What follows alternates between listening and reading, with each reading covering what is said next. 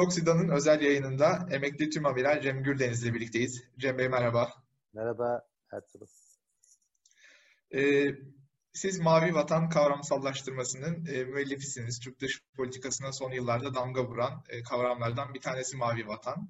Son durumu nasıl değerlendiriyorsunuz? Doğu Akdeniz'de Mavi Vatan ne durumda?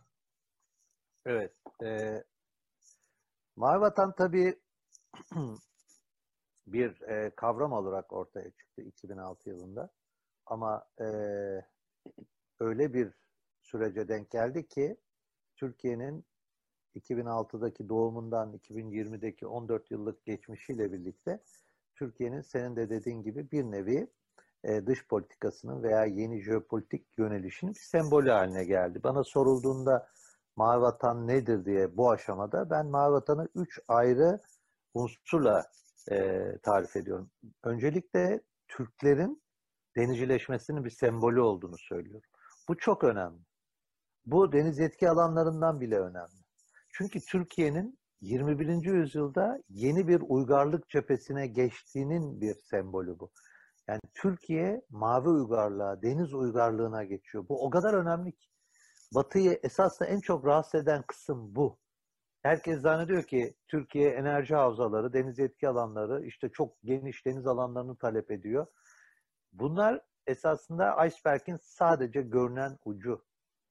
Esas rahatsız eden Türklerin tarih sahnesine Akdeniz üzerinden denizci bir devlet, denizci bir ulus olarak çıkma iradesini bu yüzyılda yakalamış olması. Burada da hep gençlere örnek veriyorum. Niye gençler? Çünkü Türkleri denizciliğe taşıyacak, deniz uygarlığına taşıyacak olan grup gençler. Şimdi Oruç Reis'in Navtex'i bugün ilan edilir, yarın iptal edilir. Bu işler açıkça söyleyeyim, moralinizi bozmak için söylemiyorum ama daha önümüzdeki 20 yıl böyle devam edecek. Bunun bir çözümü yok. Zor bir çözüm. Yani bunu baştan kabul edelim. Buradaki sorun iki tane vekil devletin yani Güney Kıbrıs Rum devleti ile Yunanistan vekil devletlerinin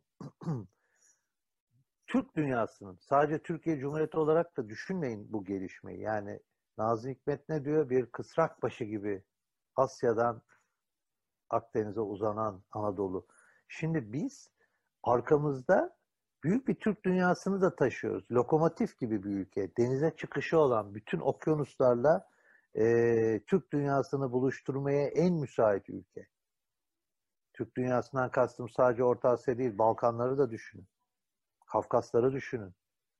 E, bunu asla ve asla e, bir e, jeopolitik, ırkçı bir eylem olarak söylemiyorum veya söylem olarak bunu ifade etmiyorum. Mustafa Kemal'in de arzusu buydu. Türkçe konuşan akraba toplulukların e, gelecekte bir birlik kurması, ve bu birliğin denize çıkışı olan tek yer şu an Anadolu. Olaya bir de buradan bakın. Yani siz Sevil haritasını Türkiye'ye empoze ettiğinizde sadece Türkiye'yi kesmiyorsunuz. Türk dünyasının denizde olan bağını kesiyorsunuz. Veya Mustafa Kemal Sevre baş kaldırdığında, Anadolu'yu kurtardığında sadece Anadolu'da yaşayan Türkleri kurtarmadı esasında bir Türk ulusunu, topyekün dünyadaki Türk ulusunu kurtardı. Onların haysiyetini, bağımsızlığını, e, onurlu duruşunu geri verdi. Olaya hep böyle bak. Şimdi dolayısıyla Türkiye'nin donanmasını güçlendirmesi, denizlere çıkması, e, bunun yarattığı etki batıda çok büyük.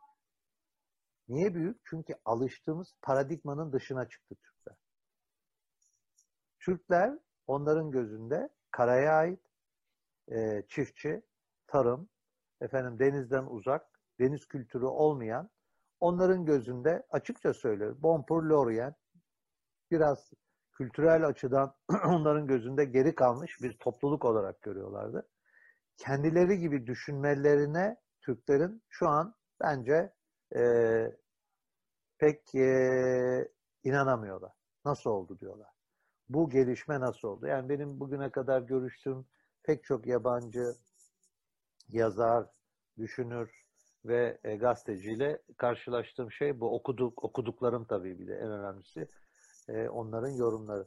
Şimdi e, o yüzden Türkiye'nin e, Doğu Akdeniz'de ve Ege'de Cihat Yaycı Amire'nin son çizmiş olduğu haritaya göre ilan etmiş olduğu, pardon daha doğrusu e, akademik düzeyde deklare etmiş olduğu Mavi Vatan sınırları ki bu sınırlar bizim 18 Mart'ta Birleşmiş Milletler'e verdiğimiz koordinatlarla da biliyorsunuz Lübnan ve İsrail'le karşılıklı kıyıdaşlık kısımları hariç aynısı. Ee, Ege'deki haritada bakarsanız 75 yılında kıta sahanlığı krizi çıktığında Türkiye'nin hazırladığı haritayla aynısı. O yüzden esasında değişen bir şey yok. Şimdi baktığımız zaman herkes mavi vatanı iridentist, panottomist, şey, e, panislamist, e, neo-ottomanist, ekspansiyonist, böyle emperyalist aklınıza ne gelirse bununla özdeşleştirmeye çalışıyorlar. Ama değil. Mavi Vatan Sevil haritasına bir manifesto, bir baş kaldırı. Yani diyorsun ki kardeşim benim Akdeniz'de 150 bin kilometre karemi, Ege'de minimum 50 bin kilometre karemi benden alamaz. Ben bunun için mücadele ederim. Bu mesajı veriyoruz. Ve ben burayı vatan gibi görüyorum. Niye vatan gibi görüyorum? Çünkü denizin dibi benim, kıta sahamlı, benim uzantım. E şimdi sen hayır efendim bu benim diyeceksin ve ben de peki gel buradan petrol çıkar, doğalgaz çıkar, balıklara avla git. Burayı kendi sahan gibi kullan. E buna ben, ben nasıl izin vereyim?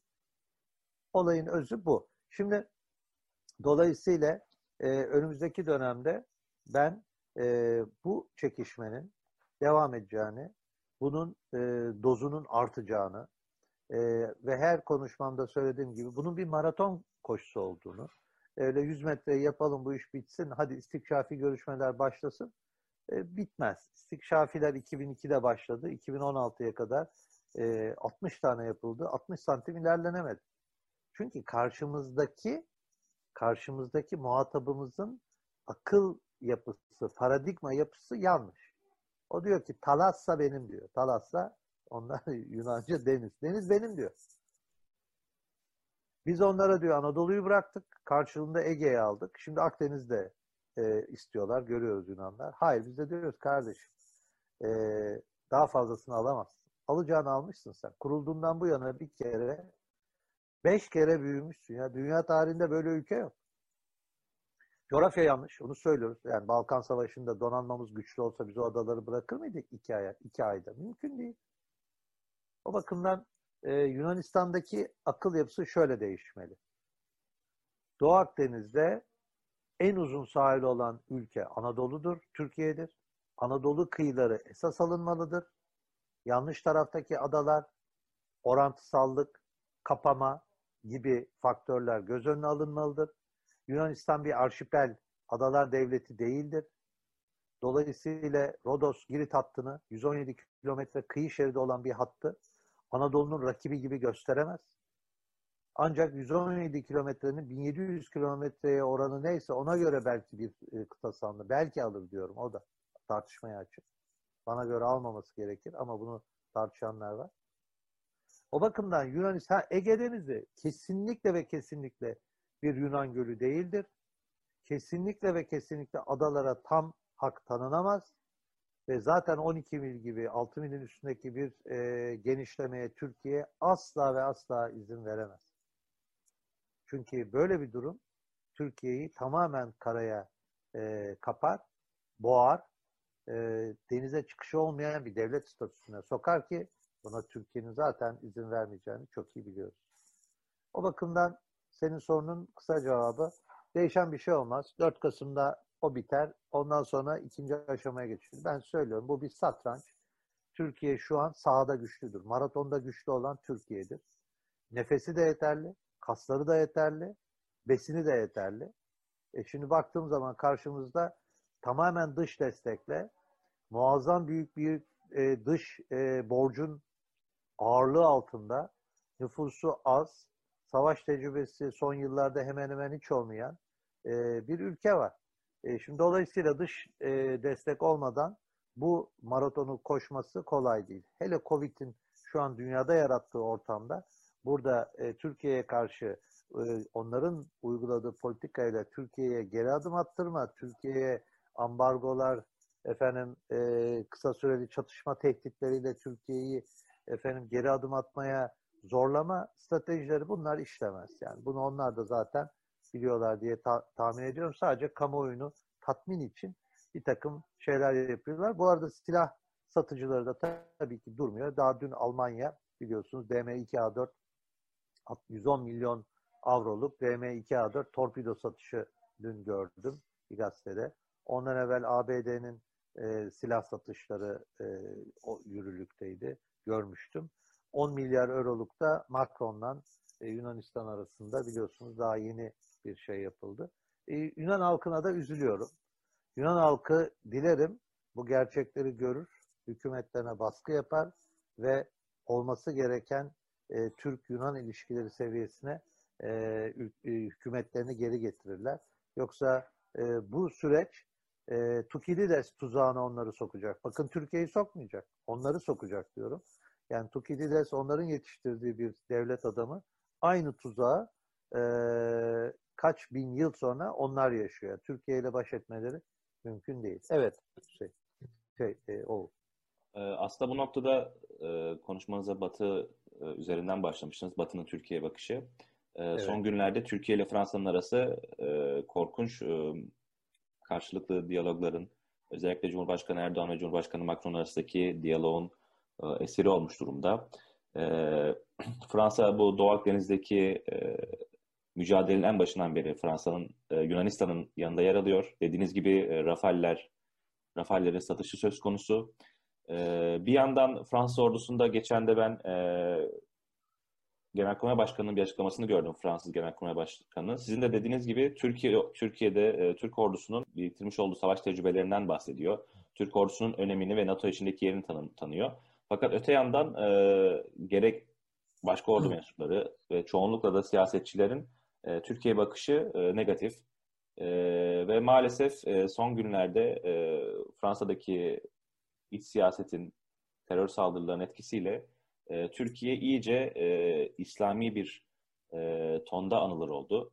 E, Fransa'nın aynı zamanda tabii Libya'da, e, Karabağ'da e, Türkiye ile bir bilek güreşine giriştiğini görüyoruz. E, bütün bu Türk-Fransız ilişkilerindeki son gerilimleri nasıl yorumluyorsunuz? Şimdi Fransa Türkiye'de sevilen, takdir edilen bir ülkeydi. E, Fransa Kurtuluş Savaşı'na en büyük desteği veren ülke oldu. Zira e, Kuvayi Milliye'ye sürekli yenilerek muazzam bir moral verdiler halka. Yani Türkler esasında Batılıların yenilebileceğini Fransızları yenerek gördü. E, Maraş'ın kurtarılması, Gaziantep'in kurtarılması, efendim Urfa'nın kurtarılması, e, Alemdar gemisinin Fransızlar teslim aldığı halde Fransız denizcilerin o gemide esir alınarak teslim alınması baktığın zaman üst üste Fransızların Kurtuluş Savaşı'nda Kuvayi Milliye karşısında Kuvayi Milliye nedir o zaman? Yani hiçbir gücü yok. Küçücük bir grup.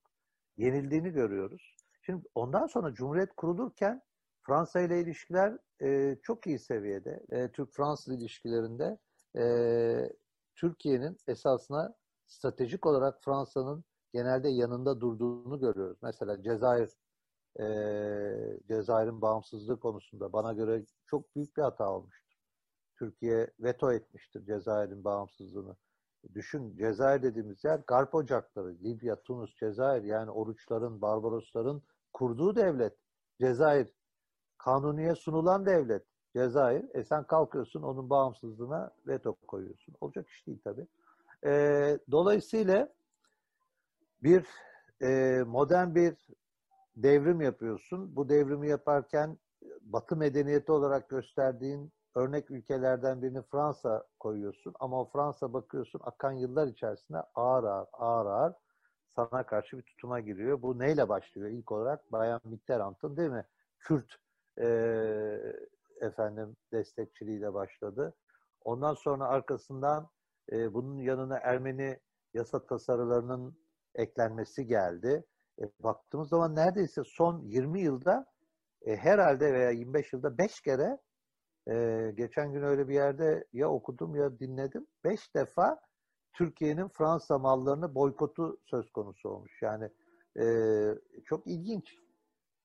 Çok ilginç. Fransa'nın Türkiye'yi bölgede büyüyen bir güç olarak görmesinden rahatsızlığını bence ortaya koyan en iyi e, göstergelerden biri o. Bir İtalya'da bunu görmüyoruz. Bir İspanya'da bunu görmüyoruz. Ama bir Fransa'da görüyoruz. E Fransa'da tabii kendi e, Frankofon kültürü, Latin kültürü bunu temsil ediyor ve neticede olaya şöyle bakıyor. Akdeniz'de nükleer gücü olan, nükleer e, yeteneği olan Birleşmiş Milletler Güvenlik Konseyi'nin daimi üyesi olan kaç kişi var diyor. Ben varım diyor. O zaman diyor ABD Soğuk Savaş sonrası ağır ağır Akdeniz'den çekildiğine göre burada bu boşluğu kim doldurmalı diyor. Ben. Bütün olay bu. Şimdi Türkiye'nin kalkıp Levant'tan Kuzey Afrika'ya, Kafkasya'dan Balkanlara, hatta ve hatta Doğu Akdeniz'in batı köşelerinden Batı Akdeniz'e, yani son e, bir yıl içinde bizim savaş gemilerimizin sürekli Libya açıklarında varlık göstermesi bile Fransa'yı e, irite etmeye yetti. Yani o kurbe olayı zannediyor musunuz ki o tesadüfen olmuş bir olay? Tamamen kurgu. Kalkıp Türk gemilerini gelecek. Nizam halinde giden gemilerin arasına 25 mille dalacak. Türk gemileri de on, onlara efendim e, bakacak. Böyle bir şey olamaz tabii. Türk gemileri de haklı olarak ona göre manevra yapmış. Şimdi dünyanın neresinde var NATO üyesi bir ülke gemi grubunun içine nizama 25 mil süratle yani saniyede 10 15 metre hızla giriyorsun. Böyle bir şey olabilir mi? Bu büyük bir esasında deniz örf ve adetlerine e, karşı son derece ciddi bir kabalık. Böyle bir şey olan ben de gemi komutanlığı yaptım. Bunun usulleri var. Birliğe yaklaşırken izin istersin, buradan geçeceğim dersin. E, gördük işte basına yansıdı. Bir de üstüne üstlük e, Türk gemilerine iftira atılması. Bizi atış kontrol radarları da aydınlattılar diye. E, NATO'da yayınladı işte böyle bir durum olmadığını gördük. O bakımdan baktığımız zaman e, ortada jeopolitik bir bilek güreşi var. Şimdi sorun Türkiye'nin soğuk savaş döneminde çok iyi enerji toplaması. Bakın biz soğuk savaş dönemi boyunca NATO ve Avrupa Atlantik yapı ne derse onu yaptık. Ne derse. Yani kendi aleyhimize olan işlere bile evet dedik. Ya provide comfort'a biz yani çekiç güce evet demiş bir ülkeyiz. Ya böyle bir şey olabilir mi arkadaşlar? Ya? Yani diyor ki adam Fransa, İngiltere ve ABD senin güneyinde Kürt devletini kuracağım. Sen de bana yardım edeceksin diyor. Ve hava kuvvetlerimiz bu işin içine giriyor. Provide comfort. Kara kuvvetlerimiz giriyor. Ve aynı dönemlere bakıyorsunuz muavenet vurulmuş.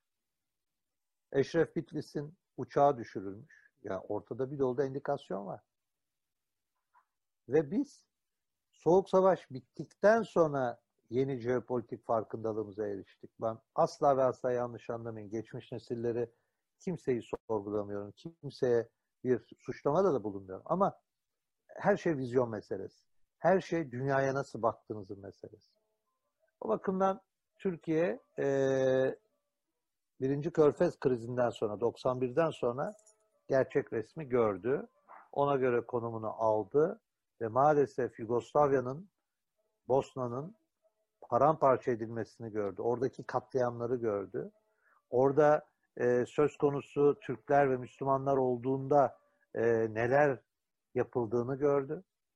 Ege'de, Kıbrıs'ta, Akdeniz'de Türk çıkarları söz konusu olduğunda 70 yıl hizmetkarı olduğumuz Batı dünyasının Türkiye'ye nasıl baktığını gördü. Şimdi efendim Türkiye batıdan kopuyor. Türkiye batı normlarından kopuyor. Türkiye insan haklarından, gelişmiş dünyadan kopuyor. Ne kadar yanlış bir yorum.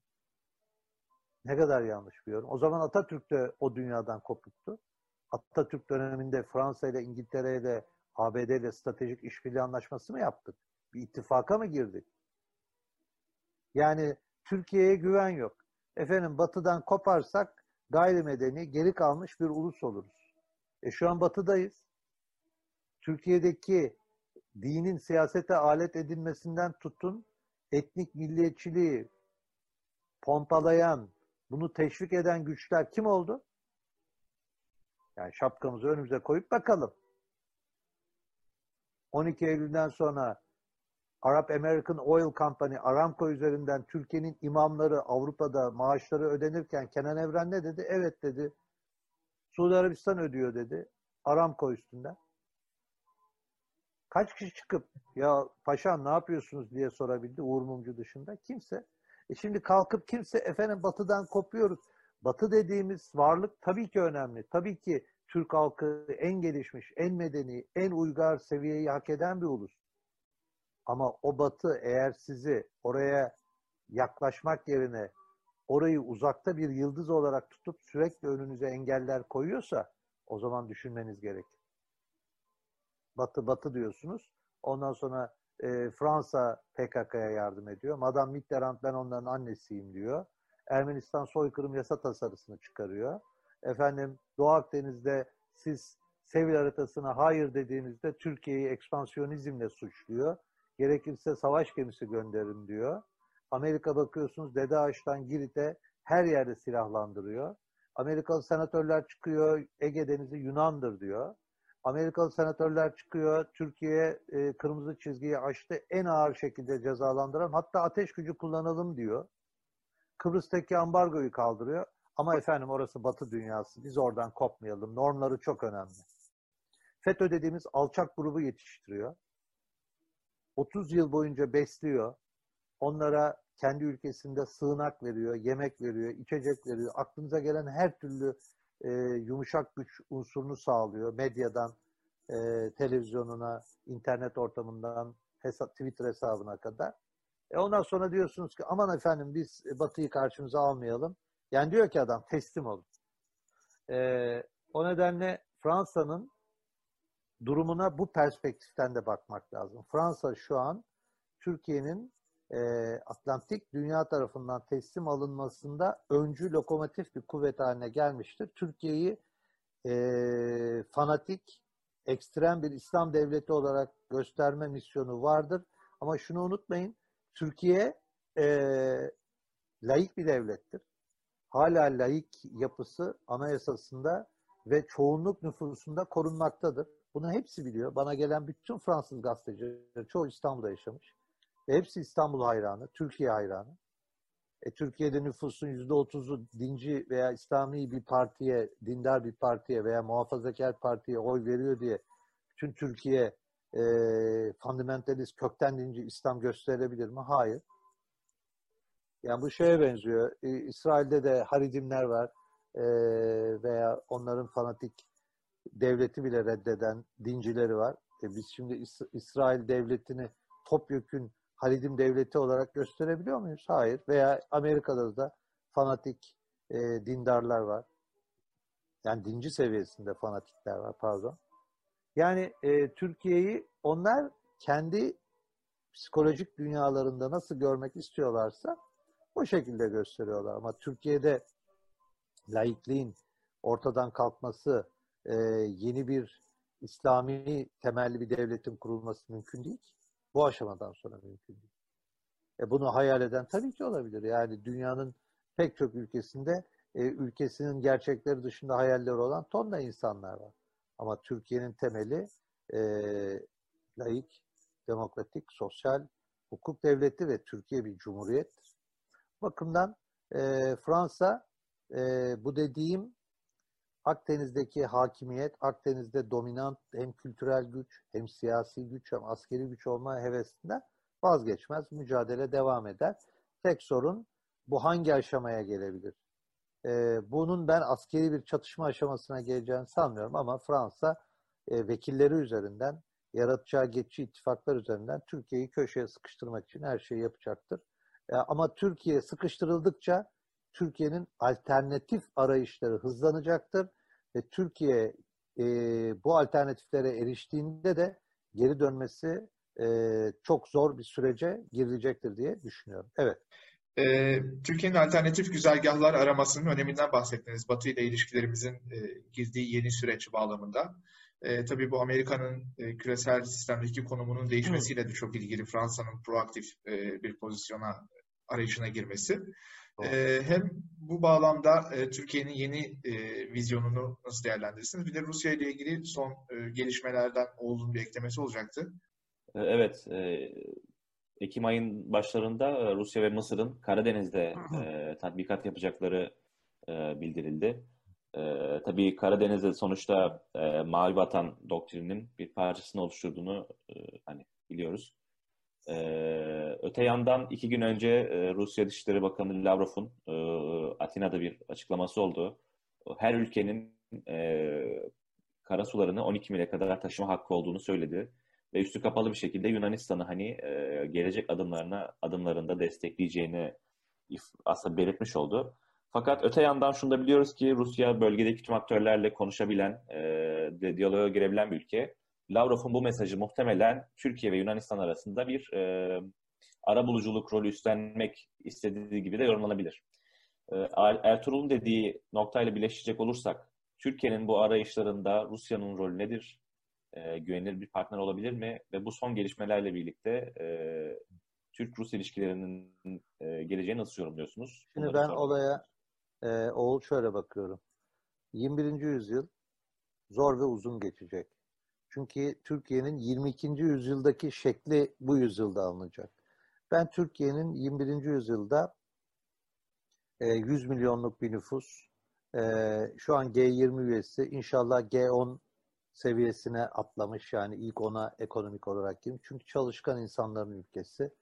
E, 23'ten 2020'ye kadar olan süreye bak. Ne aldık, devraldık nereye geldik? Dünyada bu örneği sağlayan az ülke var. Yani Güney Kore gibi e, veya e, yani sanayi devrimini yapmamış tarım e, devletinden bu seviyeye gelebilmiş. Benim görebildiğim en güzel örnek Güney Kore ama Güney Kore ABD'nin tamamen e, bir kolonisi haline gelmiş.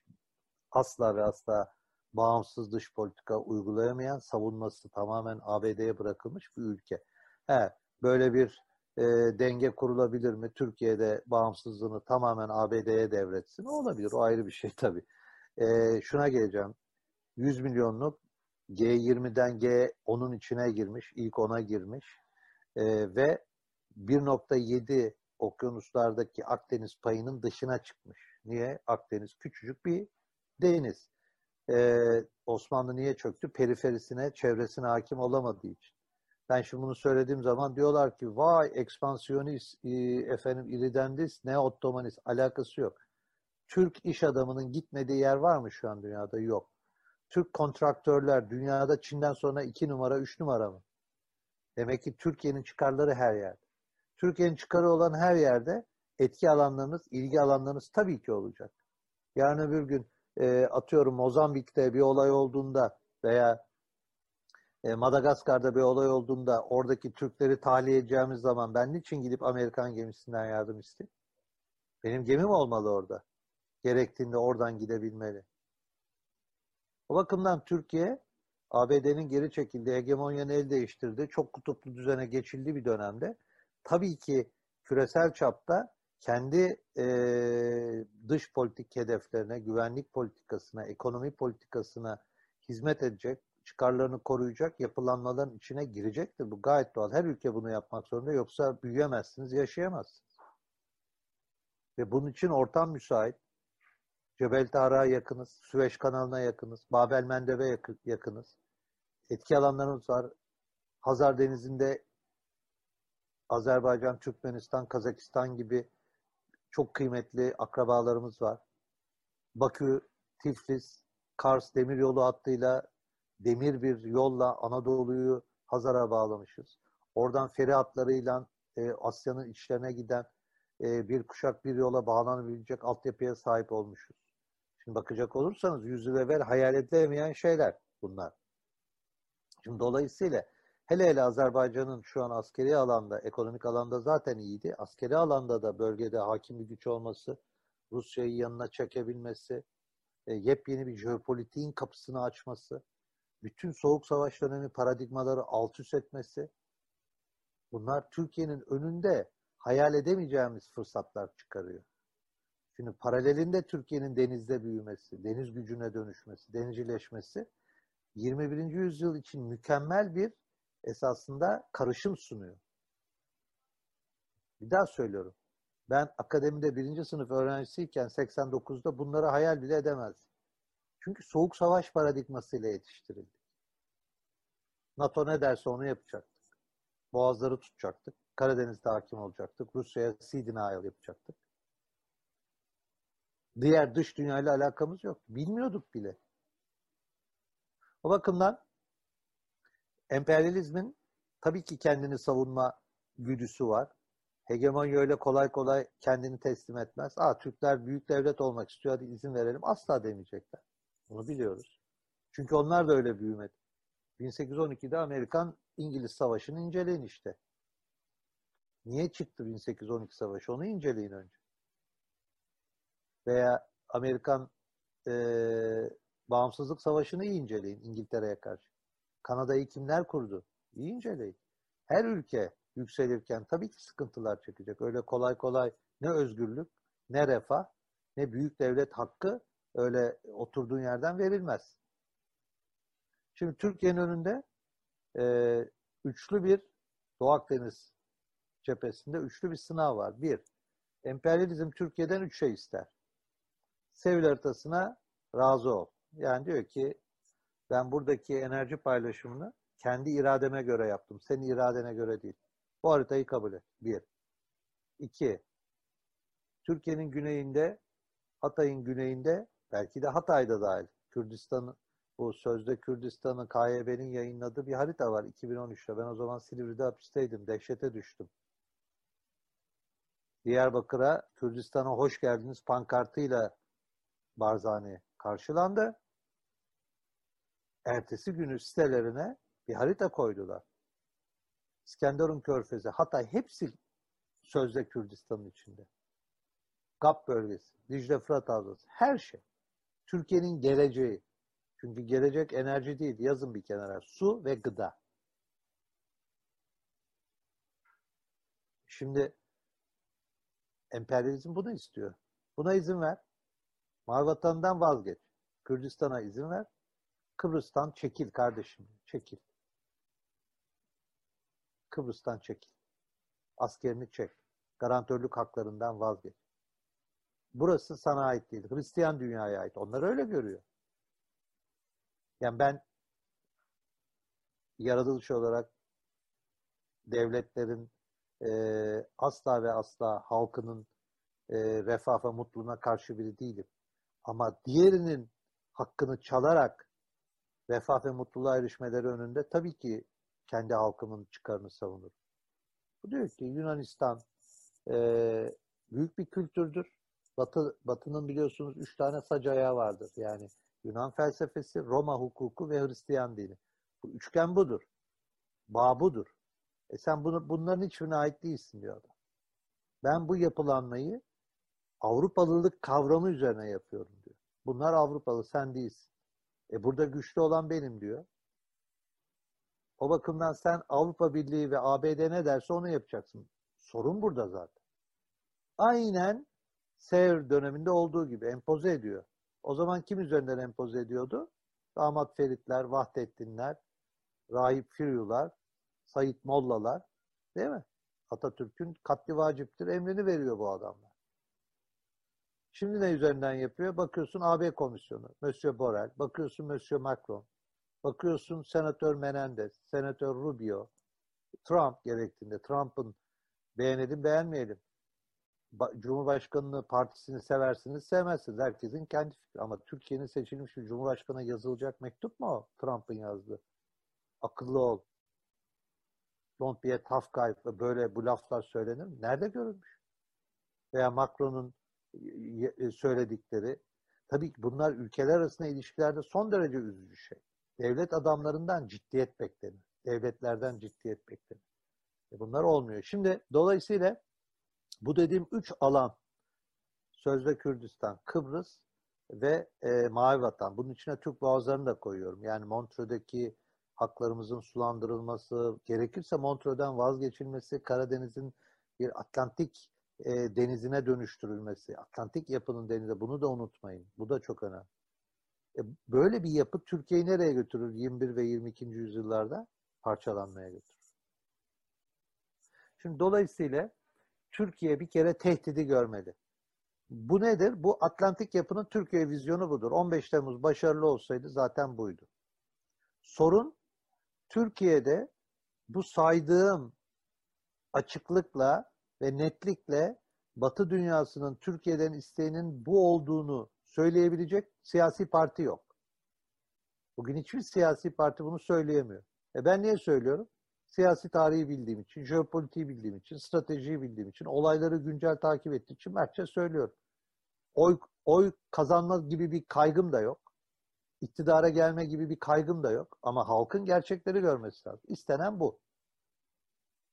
Şimdi bu şartlar altında Türkiye tabii ki doğal olarak devleti koruma refleksiyle hareket etmek zorunda. Burada hangi parti olursa olsun bunu açıkça deklare etmese bile ben efendim Batı karşısındayım, ben şunu istemiyorum ama devleti korumak durumunda. Hangi iktidar bugün Akdeniz'de 150 bin kilometre karelik çıkar alanımızdan vazgeçer? Hangi iktidar efendim insan hakları çok önemli ya biz kardeşlerimizle beraber yaşayalım. Evet güneyimizde bir Kürdistan kurulsun. Ben buna razı geliyorum diyebilir. Bunu dedik. Bunun bedelini çok ağır ödedik. Bakın insanlarımız ölüyor. Ormanlarımız yakılıyor. Şehre terör geliyor. Zamanında yapılan hatalardan. Açılım süreçlerini unutmayın. 2010 yazındaki Habur kapısında kurulan sahte e, çadır mahkemelerini unutmayın. Ders almamız lazım. Hataları tekrar etmemek lazım. Bu bakımdan Türkiye'nin bu yeni dönemde çok kutuplu dünya düzenine adapte olması esastır. Burada ben asla gidip Türkiye Rusya merkezli Avrasya'nın bir üyesi olsun, bir ittifaka gidelim veya Çin merkezli bir Avrasya'nın e, ittifakın içine girelim. Doğrudan onlarla askeri bir... Hayır, Türkiye bu dengeleri e, ko, e, koruyarak ve çıkarlarının o an için, o gelecek 10 yıl için neyse veya kısa dönem, orta dönem, uzun dönem neyi gerektiriyorsa bu yapılaşmalara girerek yani Türkiye'nin Rusya'dan S-400 alması kadar doğal bir reaksiyon olamaz. Türkiye'nin bir kuşak bir yol projesine imza koyması kadar bu coğrafyada olup da e, böyle bir projeye imza koyması kadar doğal bir reaksiyon olamaz. Ermenistan'ın e, Karabağ, e, Azerbaycan'la Karabağ sorununda e, Rusya, İran, Türkiye, Azerbaycan ve Ermenistan'ın beşli bir e, platform kurmasını desteklemesi kadar doğal bir şey olamaz. Tabii ki Minsk grubuna karşı çıkmalı. Ne yapmış Minsk grubu? O yüzden e, ben bu dönemde Türkiye'nin kendi e, ülkesel bütünlüğü, Doğu Akdeniz'deki Mavi Vatan'ı da buna katarak Ege ve Doğu Akdeniz'deki e, bunu da göz önüne alarak, karşısındaki büyüyen tehdide göz önüne tehdit alarak evet Türkiye ile Rusya'nın, Türkiye ile Çin'in yakınlaşmasının bir dengeleme, e, bir e, İngilizce offshore balancing diyor Amerikalılar, bir dengeleme unsuru olarak kullanılması taraftarıyız. Mustafa Kemal'in 100 yıl önce yaptığı Kafkas Seddi'ni kırma konusunda yaptığının aynısının bu dönemde yapılmasının esasında artık bir e, seçenek olmaktan bile çıktığı bir sürece girdiğini görüyoruz. Türkiye'ye yapılan tehditlerin Fransa dahil, ABD dahil önümüzdeki dönemde nelerin çıkacağını da düşünebiliyoruz. Bu gayet doğal bir refleks. Savunma refleks. Bir annenin evladını koruması gibi. Ne yapacaksınız yani? E gelin, buyurun vazgeçtik Sevil'den. Vazgeçtik Kıbrıs'tan. Buyurun Kürdistan'da kurun. Evet, istediğiniz her şeyi yapacağız. Bunu Türkiye'den kimse bekleyemez ki. Şimdi Rusya'ya baktığımız zaman, evet. E, bu sürekli referans yaptığınız bu jeopolitik bilek güreşinin e, önemli başlıklarından bir tanesi seviye haritası. Buna yönelik evet. eleştiriler de var. Siz de e, mutlaka Biliyorum. okuyorsunuzdur, duyuyorsunuzdur. Bunun e, 2000'lerin başındaki bir akademik çalışma olduğu ve e, Makale yazdım jeopol- Evet. Buldum evet, adamı. Evet. Adamı da buldum. Vivero'yu. Söyleyeyim. Amerikan Büyükelçiliği açıklama yaptı. Komisyon açıklama yaptı. O zaman ben şu cevabı verdim onlara da. Neden hala web sitelerinde bu harita duruyor? Bir. İki. Neden bugün Yunanistan Oruç Reis'in kendi kıta sahanlığında, Meis'in güneyinde bizim kıta sahanlığımız olduğu halde neden e, Yunan kıta sahanlığında görev yaptığını deklare ediyor. Avrupa Birliği e, yer yerinden oynatıyor. Hangi haritaya göre? Başka soruya gerek var mı? Yok. Tamam. Kıbrıs'ın şu an 1, 4, 5, 6, 7 lisans sahaları Türkiye'nin sahasıyla çatışıyor. Ve biz oradaki gemileri çıkartıyoruz. O harita hangi harita? Sevil haritası. O yüzden e, o, o gör, onlar şey boş laf. Sevil haritası yürürlükte değilmiş. Efendim Sevil haritası o zaman bana bu suallerimin cevabını versinler. Şu an gir birazdan gir. En az 10 sitede Frontex'inden tut efendim e, kıyı planlama sitelerine kadar hepsinde bu haritalar var. O yüzden o haritalar orada durduğu sürece e, bence hiç manası yoktu. Evet, Rusya ile ilişkiler e, o bakımdan e, bir e, marriage of convenience dedikleri şey, e, bir e, evlilik ama nasıl bir evlilik? E, dönemsel bir evlilik. Yani S-400'ün alınması, Akkuyu'nun yapılması, efendim Astana süreci baktığımız zaman özellikle 15 Temmuz sonrası süreçte Türkiye'nin Atlantik yapı tarafından son derece büyük baskılar altına alındığı bir dönemde bence e, bir e, bir, e, bir, bir nevi geçici bir evlilik gibi bir, bir ittifak sistemi değil ama ilişkilerin e, daha iyi temelde yürütülmesi için kurulmuş bir modus vivendi. Böyle bir işleyen bir şey. Çin'le de aynı şekilde baktığımız zaman. Yani bugün Çin'le gerek e, ekonomik gerek askeri alandaki işbirliğimiz e, özellikle füze teknolojileri e, bunlar reddedilemez. Yani Türkiye Çin'den e, son derece ciddi e, artılar almış. Aynı şekilde e, bir kuşak bir yolda da kazanımlar elde etmiş bir ülke.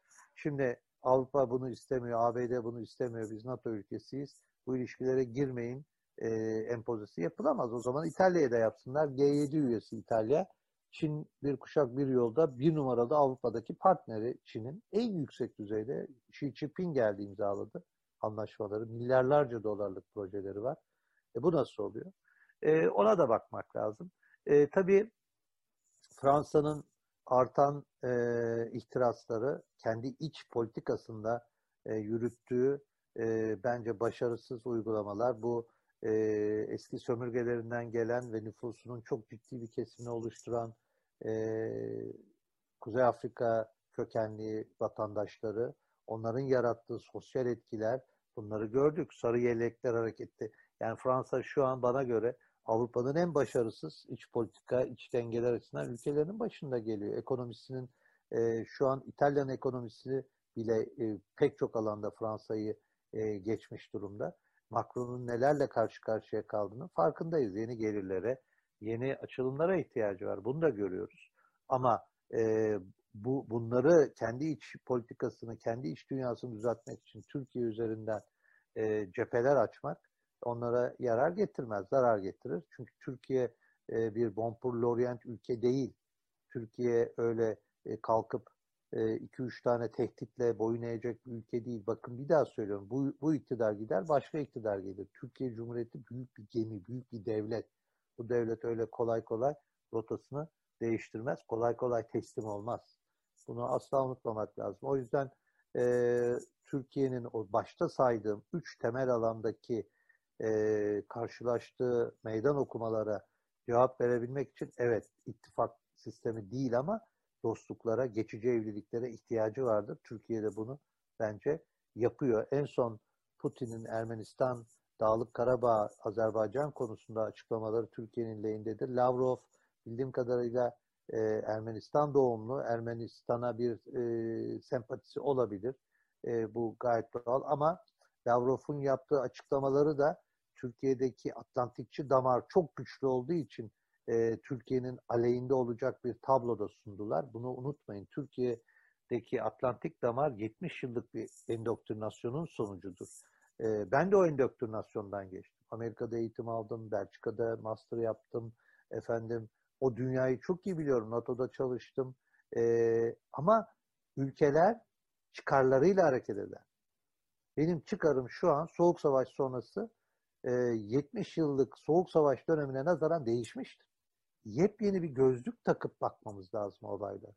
Efendim 13 kere Ruslarla savaştık. Ruslardan ittifak yapılmaz. Onlar zaten sıcak denizler. Böyle kalıplaşmış modeller var. Hayır, bunun dışında artık düşünmemiz lazım. E Atatürk niye bunu düşünmedi? Öyle soralım. Niye Atatürk Batum'dan vazgeçti? Niye Atatürk Azerbaycan'dan vazgeçti? Ama Anadolu'yu kurtardı. Yani biz şimdi efendim Libya'da Ruslarla e, işbirliği yapalım. Vay Rusya'yla işbirliği. Libya'da her şeyimizi kaybederiz. Değil. iki ülkenin mutlaka örtüşen çıkarları var. Suriye'de efendim Rusya ile işbirliği yapalım. Vay yani o kadar büyük bir anti Rus e, Türkiye'de e, endoktrinasyonu var ki bu bunları kırmak tabii kolay olmuyor. Mesela Lavrov'un 12 bin açıklaması. Peki devamını okudunuz mu onu? Devamında da diyor ki diğer kıyıdaşlarla bu e, anlaşarak diyor. E niye Katemirini bunu vermiyor? Sadece neyi veriyor Katemirini? 12 bin hakkı vardır. Bu kadar. Niye arkasını vermiyor? Bu psikolojik hak. Ama buna herkes bu tuzağa düşüyor. Ne diyor? Ruslar Ege'de 12 bile karşı e, değil. Halbuki Ege'de 12 bile en çok karşı çıkacak ulusların başında kim geliyor? Rusya. Niye? Düşünün bakalım. Rusya'nın dış ticaretinin %65'i nereden geçiyor? Ege'den geçiyor. Ege'nin %80'i Yunan denizi olursa Karasu'dan 12 bine çıkınca neredeyse %80'i oluyor. Ee, karasularından geçişte ticaret gemilerini, kıyı devletinin durdurma hakkı var mı? Var. Şu an Yunanistan Amerika'nın bir kolonisi haline geliyor mu? Geliyor. Dede Ağaca bu kadar büyük e, askeri yığınak yapılıyor mu? Yapılıyor. Kim için yapılıyor bu? Sadece Türkiye için mi? Aksine Rusya için. Rusya'yı iç hatlar konumunda bırakıyor. Dede Ağaç'taki bu birikim güneye geçen Rus gemilerini değil mi? Batı sektöründen sıkıştırıyor. Yarın öbür gün kara sularına giren gemiye ne diyecek Yunanistan? Amerika'nın zoruyla belki de zararsız geçişi bozuyorsun, izin vermiyorum diyecek. Uluslararası hukukta bu hak var. Veya diyecek ki bundan sonra benim karasularıma girerken zararsız geçiş yapacağın zaman güneye transitte mutlak surette hükümetten izin isteyeceksin diyecek. Bunları Lavrov bilmiyor mu zannediyorsun? Bu bakımdan mesela Çin en büyük Avrupa'ya giriş limanı Pire. Yazın bunu Cem Gürdeniz dedi dersiniz. Önümüzdeki yakın bir dönemde Pire limanının Çin'le olan e, ilişkisinin koparılması için Yunan hükümetine baskı yapılacak. Bunu ben size garanti ediyorum. Göreceksiniz. Olacak bu. Aynen Hayfa'ya yapıldığı gibi. Covid'in ortasında Pompeo uçağını atladı Hayfa'ya şeye geldi Tel Aviv'e. Niye? Hayfa'daki yatırımları durdurun Çinlerle. Bir kuşak bir yol. Bu iş büyük. Bu iş dediğim gibi küresel hegemonyanın el değiştirme süreci. Şimdi herkes post hegemonik dünyanın pozisyonunu almaya çalışıyor. Herkes iyi bir konumda olmaya çalışıyor. E, Türkiye'de burada hala kalkıp ben 70 yıldır Atlantik'in hizmetkarıydım onun her dediğini yapacağım. Bu modalite artık bitmiştir. O yüzden dinamik düşün. Evet. Sayın Gürdeniz, e, sorularımıza cevap verdiğiniz vakit ayırdığınız için çok teşekkür Sağ ol. ederiz. Ol kendine iyi bak. Deden nur içinde yat. Görüşürüz. Sağ olun. Teşekkür ederiz. İyi günler, iyi çalışmalar. Hoşçakalın.